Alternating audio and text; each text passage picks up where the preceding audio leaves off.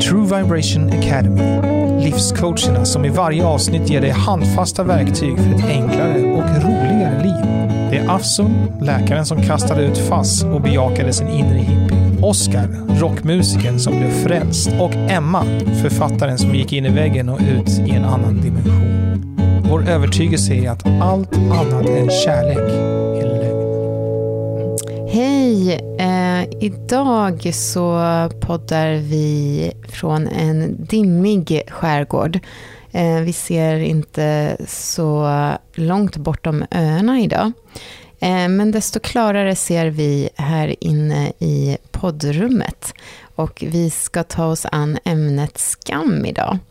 Passande väder på något sätt. Ja, det är lite, när man är, jag, jag tänkte att när man är, får lite tid för att vara inne och inte kan sysselsätta sig lika mycket, då kanske den känslan som man kan annars liksom jobba sig bort ifrån med massa saker. Men då Just kanske det. skammen får lite tid att krypa fram innan man har fått igång Netflix-serien. ja. ja, den är ju lite svårupptäckt faktiskt, känslan här, eftersom den är så tung. Ja, man vill mm.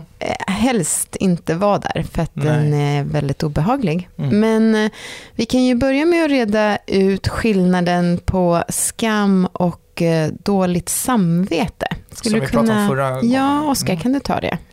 Jo, men absolut. Alltså, eh, dåligt samvete är ju en känsla som riktar sig till någonting man har gjort. Eh, och skam är en känsla som riktar sig till vem man är, eller vad man är, eller någonting man är eller har varit. Mm, som person, liksom. Ja. Det är ens person som... Och det där är ju också skillnaden faktiskt på många sätt, att det kräver egentligen inte att man har gjort någon illa, att man ska känna skam. Ofta är det ju helt andra saker som gör att man känner skam. Mm. Skam är ju till för att vi ska krympa oss själva. Vi ska bli mindre än vad vi är. Inte ta ett utrymme som, eh, som inte är vårat eller som är för, för eh, jobbigt att du tar dig. Eh, och vi kan ju bara ta ett väldigt praktiskt exempel om vi går tillbaka till att vi var jägare och ifall någon i stammen bestämmer sig för att eh, men jag tänker sitta här och sjunga idag istället för att fixa käk. Eller nej men jag tänker bara jaga zebror och idag finns det bara lejon men det tänker inte jag ta i för att... Eh, jag tänker manifestera en zebra. jag manifesterar en, en zebra istället. Och då funkar ju skammen som att du ska känna dig som en idiot och en dålig människa och helt enkelt bara ta upp ditt vapen och rätt rätta in dig i ledet. Precis, det blir, det, det blir att, man, att krympa är ju ofta att rätta sig i ledet. Precis. Och i, all, i skarpa lägen så behöver, har vi ofta en funktion av att folk rättar sig i ledet. Liksom. Ja, men det är ju väldigt sällan som vi behöver bry oss om det. Och särskilt inte idag när vi liksom har evolverat som människor. Vi, nu kan vi faktiskt eh, gå till mer positiva känslor för att uppnå samma sak. Eh, vi, vi är redo som, som ras att ge upp skammen och eh, gå vidare till annat. Ja, precis. Jag, vet du, jag kan aldrig låta bli att prata om skam utan att, jag, jag vet att jag ofta faller tillbaka till att citera Brené Brown. Jag tycker hon är grym faktiskt. Hon, hon säger att Shame corrodes the very idea that you are capable of change. Åh, den är fin. Det tycker jag är snyggt. Mm. Det är liksom, så på ett sätt så... Säg den igen, Oscar. Shame corrodes the very idea that you are capable of change. Mm. Eh, så det är inte bara, alltså, man kan ju uppnå eh, på kort sikt samma resultat med skam som man kan göra utan skam. Det vill säga att man rättar sig i ledet. Eller att man låter bli att bete sig eh, illa. Liksom. Det, det, så kan det vara. Mm. Men att kunna förändras till det bättre där, är, där har skam istället motsatt effekt. Det är det hon säger. Liksom, mm. att, att det, skam, när man känner skam så betyder egentligen en känsla som säger det att jag är, jag är inte tillräckligt bra. Jag är inte bra. Liksom. Mm. Så det är den idén som säger det att det enda sättet jag kan vara okej okay för att, för att vistas bland människor, det är att gömma en del av mig. Eller trycka ner, eller liksom bekämpa en del av mig. Låtsas vara något annat än den jag är. Exakt, precis. Vilket också det leder till, till fortsättningsvis också det som Brené Brown säger, som jag tycker är väldigt intressant, att, att det, det är alltså motsatsen till eh, sårbarhet. Det är så att säga ett vapen för att undvika, bekämpa sårbarhet. Mm. Vilket i sin tur, alltså sårbarhet är egentligen, eh, egentligen på det, det sättet på vilket man kan leva ett helhjärtat liv. Och växa. Att ja, våga ja. vara sårbar för att växa. Precis. Det är ju alltså, för det första, alltid sårbart att vara autentisk, att vara sitt fulla jag, så att säga. Och sårbarhet är ju egentligen bara en annan formulering på mod, mm. tycker jag. Alltså att kunna bli sårad, hur ska du kunna vara modig om du inte kan såras? Mm. Då finns det inget mod, liksom, tycker jag. Och Oskar, hur, vad har du själv för erfarenhet eller um, vad är din kontaktyta med skam? Ja, men nu har jag en grej från idag som jag la märke till. Det var bara en liten grej, men jag tyckte det var lite liksom kul. Att eh, vi är här ute i skärgården och vi, vi bor liksom i olika små stugor och nu är vi i inom citationstecken min lilla stuga eh, här och jobbar. Och då stod jag och stekte pannkakor och lyssnade på musik. Och Emma var liksom på väg och kunde dyka upp när som helst. Och så grät jag som ett litet barn, som man säger. Eh, för att jag lyssnade helt enkelt på jävligt bra låtar. Och då kunde jag känna hur det kom upp liksom ändå som en, som en första instinkt så här. Oj, tänk om Emma kommer. Liksom innan jag liksom kom på vem jag är och vem Emma är, så, så var det en, finns det ändå där som en första instinkt att det är bara för mycket att stå här och böla. Liksom. Alltså det blir ju jättekonstig stämning, eller hur? Jag kommer, Emma kommer in och vi ska jobba liksom, och så står jag och bölar. Och varför då liksom? Jo, därför att det är sårbart helt enkelt. Jag var verkligen i mitt hjärta så mycket som jag någonsin är, typ. Liksom. Mm. Och eh, sen hade jag ju som tur var, alltså det är ju lättare att gråta för att man lyssnar på en bra låt. Det hade ju varit jobbigare om det hade varit att jag sörjde någon eller att jag precis hade haft ett bråk med någon eller du vet, liksom sådär. Då kanske jag hade känt mig tvungen att förklara det eller så. Det hade varit ännu mer sårbart. Men fortfarande är det ju sårbart att vara i sitt hjärta. Och där, så där alltså, den första instinkten är ändå att stänga av det där. Stänga av musiken, stänga av det här bästa tillståndet man typ kan vara i egentligen. För att, Tacksamhet. Eh, ja, för mm. att det, det, är för, det är bara för mycket. Mm. Skärp dig, liksom. Um, men det var bara ett litet exempel. Och sen, som sagt, så förstod jag ju snabbt att jag är inte den personen. Och Emma är verkligen inte den personen heller. Liksom. Men... Du hade ändå avslutat bölandet innan jag dök upp. Men det kanske var för att jag var så sen. ja, precis. Vilket jag kände lite skam över, att jag, att jag var försenad. Att du kom för sent, ja just det. Det hade kunnat bli lite skambonanza här. jo, men om man ska gå faktiskt lite djupare då. Så då kan jag berätta ifrån min eget, mitt eget rika liv, hur jag de senare åren har jobbat mycket med självupptäckt. Och då upptäckte jag någonting som verkligen förvånade mig, som jag aldrig har fått syn på tidigare. Det är en, en, en djup mansskam som jag, som jag känner och agerar, har agerat väldigt mycket på i mitt liv. Det är alltså en, en skam som utgår ifrån eh, blotta vetskapen att, att liksom de, flesta, de flesta riktiga hemskheter som händer i världen eh, sker på grund av män våldtäkter, eh, missbruk, våld av alla dess slag.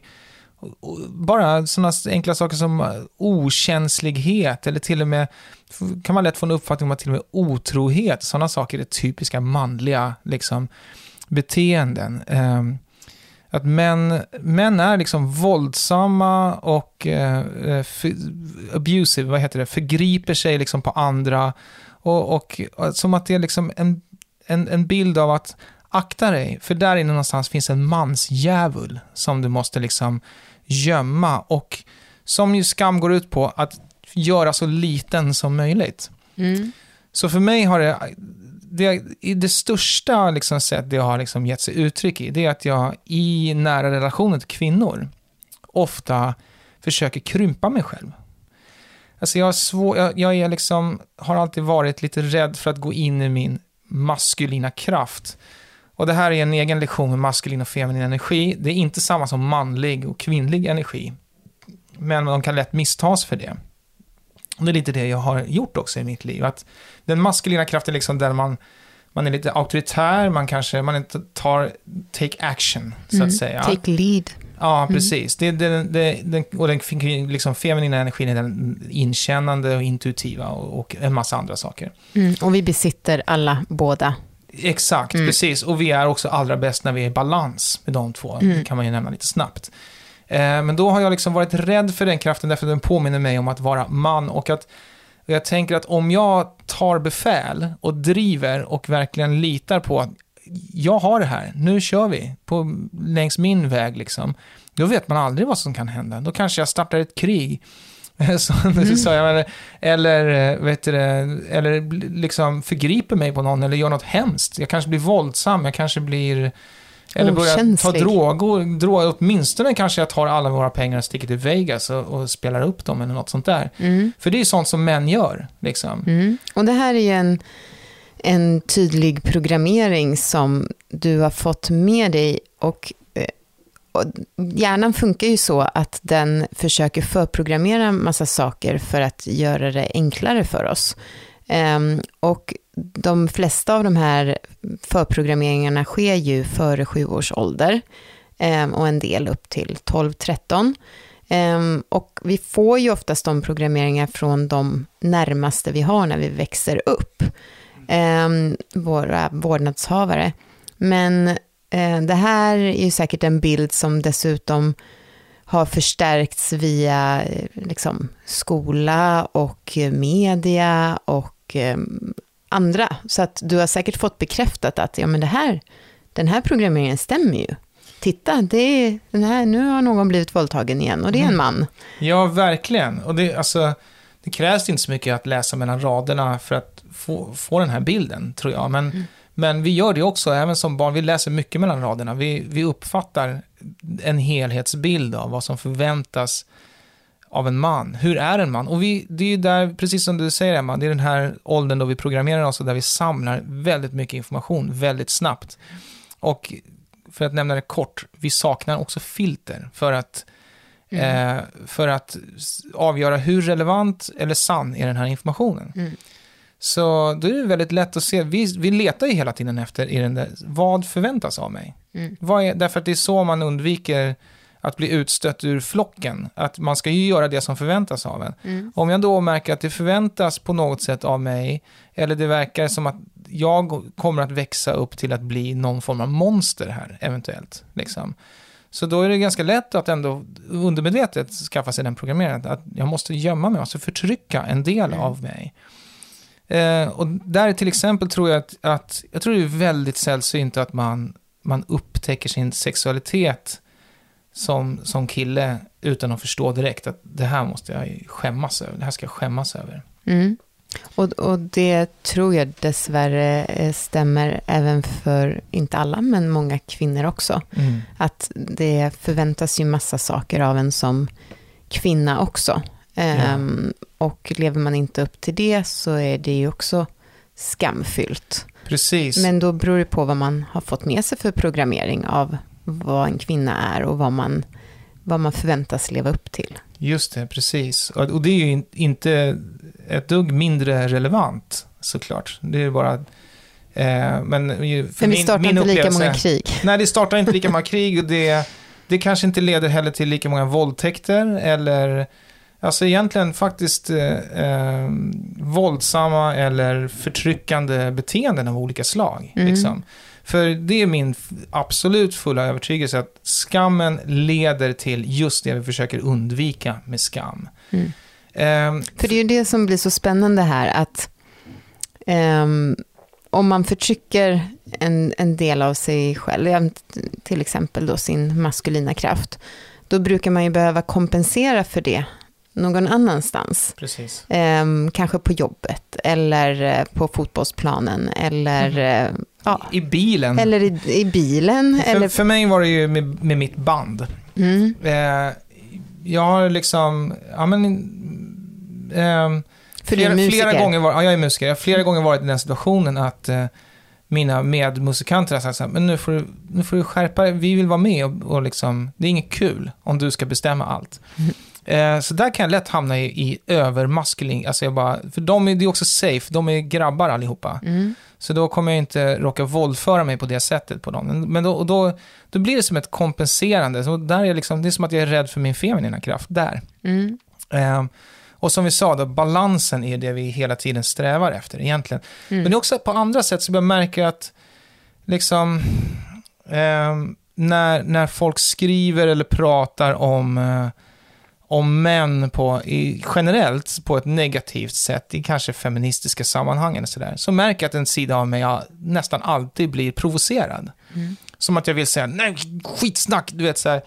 Och då undrar man, vad är det? det, det nu vet ju jag det. det. Det betyder att det finns något i mig som, som triggas. Och det är min skam. Det här är ett av de vanligaste sätten att reagera på skam. Är att bli förbannad. Mm. För att skammen är alldeles för obehaglig. Om jag skulle säga så här, oh shit, jag måste känna efter. Har jag betett mig sådär någon gång? Brukar jag manspreada på bussen? Eller vad det nu är liksom. Eh, då kan det bli jobbigt. Det är mycket lättare för mig att bara, håll käften, ni är så dum, ni fattar ingenting. Det där är Mm. inte sant, du vet. Liksom. Och, och, och det kommer ju då, det är ju det som blir det dubbla, eller intressanta här, att eh, skammen eh, gör att man försöker krympa sig kanske i då en nära relation, eller till om det är en kvinna som man är rädd att liksom på något sätt verbalt eller fysiskt eller eh, liksom våldföra sig på. Eh, men då kompenserar man ju på ett annat område och därför kanske vi har krogslagsmål och eh, andra. Så att själva skammen över övergreppet skapar ett övergrepp någon annanstans. Så skulle vi kanske bara låta bli att göra oss mindre Mm. på ett område så kanske vi lättare skulle hamna i balans. Och är vi i balans då skulle inte sånt hända helt enkelt. Nej, precis. Alltså skammen är ju också, det är både på det sättet tycker jag, att det kan bli ett kompenserande om man nu använder skammen så som den är till för, så att säga, att liksom eh, undantrycka delar av sitt beteende. Men skammen kan ju också föda just precis det man är rädd för. Alltså på det sättet att man, man tänker att skam är bland de mest smärtsamma känslor vi kan liksom gå igenom. Att känna djup skam, det är, det är jätte, jättejobbigt. Liksom. Så därför undviker vi det in i det sista och det är det den är till för. Men grejen är också att möta sin skam är också någonting vi undviker. Så det, det innebär att vi har svårt att vara närvarande eller medvetande eh, eh, i, i sammanhang där det finns skam. Så att om man har skam kring sin sexualitet, till exempel, då innebär det ofta, eller nästan självklart, att man har mycket svårt att vara närvarande i sexuella sammanhang. Och vad leder det till? Ja, egentligen nästan vad som helst. Där har du en loose cannon. Så. När du inte, det är alltid så, när du är, när du är mest frånvarande, när du är längst ifrån ditt sanna jag, det är då du kan begå de konstigaste handlingarna, så att Mm. säga. Så jag, jag, det, det är jag, min övertygelse absolut, att liksom att osunda sexuella beteenden till exempel, att de bygger på att man har mycket skam kring sin sexualitet. Mm. Man har därför väldigt svårt att möta den. Mm. Det är inte så att man naturligt vill, liksom har en, en, en naturlig drift till att begå hemska handlingar. Liksom. Det, det tror inte jag i alla fall. Och där Mm. kan man ju verkligen tro massa olika saker. Men det är inte vad jag tror. Utan jag tror att det är att man har lärt sig att det här är någonting, det är någonting fel med mig. Liksom. Så att varje gång man går dit, då måste man bygga upp någonting annat. Och det, det här, är- jag tycker det är väldigt intressant också just därför att det gäller inte bara de som är helt sjuka, så att säga. Utan det finns liksom överhuvudtaget en, eh, ett, ett driv till att hela tiden, som vi pratade om i känslan bakom lektionen, att när man inte kan vara närvarande i, när man väl har uppnått en situation, då fortsätter man att försöka skaffa sig mer. Om man tänker sig det i ett sexuellt sammanhang, så om man inte kan vara närvarande när man liksom är ska vara i så intim och liksom så nära varandra som man ska kunna komma. Mm. Och man fortfarande inte riktigt lyckas uppleva det, för att man är, Mm. är inte där riktigt. Då vill man ha mer och mer. Då vill man mer. ha mer och mer. Då måste det bli, någonting måste liksom hända för att det ska kännas spännande, för att det ska väcka närvaro. Mm. Mm. Och vi vet ju typ att liksom en bilkrasch, det, det är ett av de få tillfällen där man kan nästan garantera att alla är närvarande. Mm. Så det, det säger ju någonting om vad det är man söker. Man söker liksom en upplevelse som är så stark att det nästan inte går att vara frånvarande. Mm. Och det är därför, tror jag, som vi går till väldigt märkliga beteenden. Extrema. Mm. Så ja, vi får fråga Paolo Roberto, men, men eller coacha kanske. Eh, Men eh, hur kan vi då inte skambelägga att känna skam nu då? För att ehm, nu när vi då har den här kunskapen om skam Mm. så kan vi ju istället eh, bli nyfikna på det.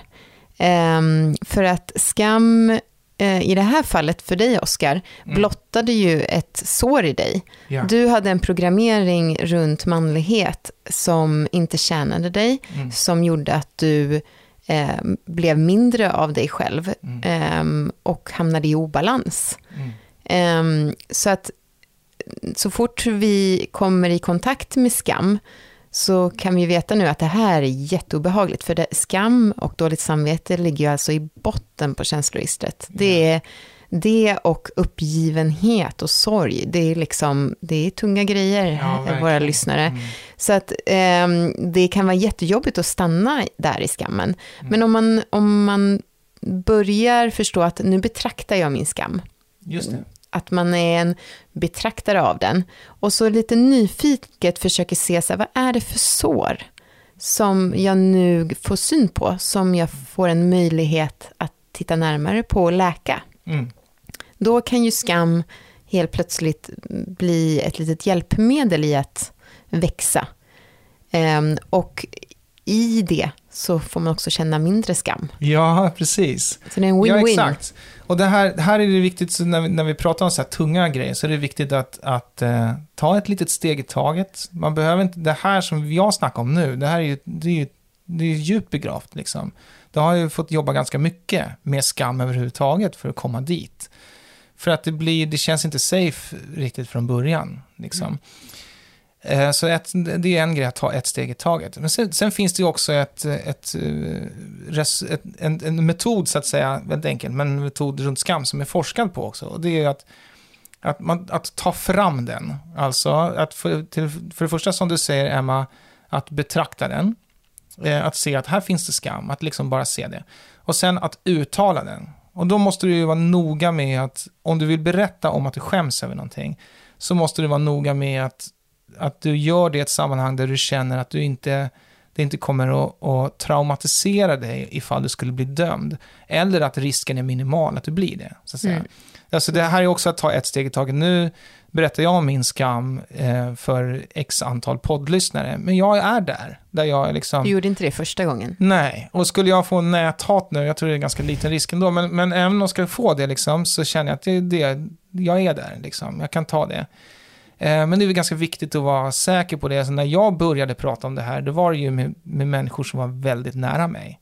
Som du var Eh, trygg med. Ja, och, då, och, och, och där, där är det verkligen precis som vi brukar prata om att medvetandet om, är liksom en väldigt stor del av processen att, att ta sig igenom, att, att lösa ett problem så att säga. Och med skam är det verkligen sant. När, när du blir medveten och dessutom vågar prata om det, då är det som att den löser upp sig av sig Mm, själv ganska lätt. upphör att existera. Ja, ja så att ehm, skam kan eh, bli ett, en, en mysig aktivitet en dimmig dag om man eh, ser det från sin rätta eh, funktion. Ehm, men som sagt, ta ett steg i taget och ehm, med människor du känner dig trygg med och eh, sen eh, kan det betyda att du kan släppa taget om, om skammen och eh, då så lyfter du känsloregistret och kan nå både närvaro och känna glädje och frid och de där härliga känslorna som är högre upp i känslor, känsloregistret. Ja, en, en sista grej jag vill säga bara är att om du kan, försök låta bli att skambelägga andra. Både folk du älskar och känner och folk du inte känner. Eh, för det hjälper inte. Det gör det bara värre. Och, och, och gör du det, då kan du vara helt säker på att du skambelägger dig själv. För att om du inte skambelägger dig själv, då kommer du aldrig skambelägga någon annan heller. Just det. Så att det är också, du kan använda det som en, en liten, vad heter det, så här, termostat. När du möter på folk som skambelägger andra, då pysslar de med det eh, och vänder skam mot sig själv i som en barometer menar du? Som en barometer, Eller, ja. precis. Det var det. Termostat, det är inte det som, som värmer? ja, men det är helt fel. Det här verkar inte vara vår expertis. Det här blir jätteförvirrat exempel. Men eh, vi avslutar i alla fall med något som vi är helt säkra på, att allt annat än kärlek är lögn.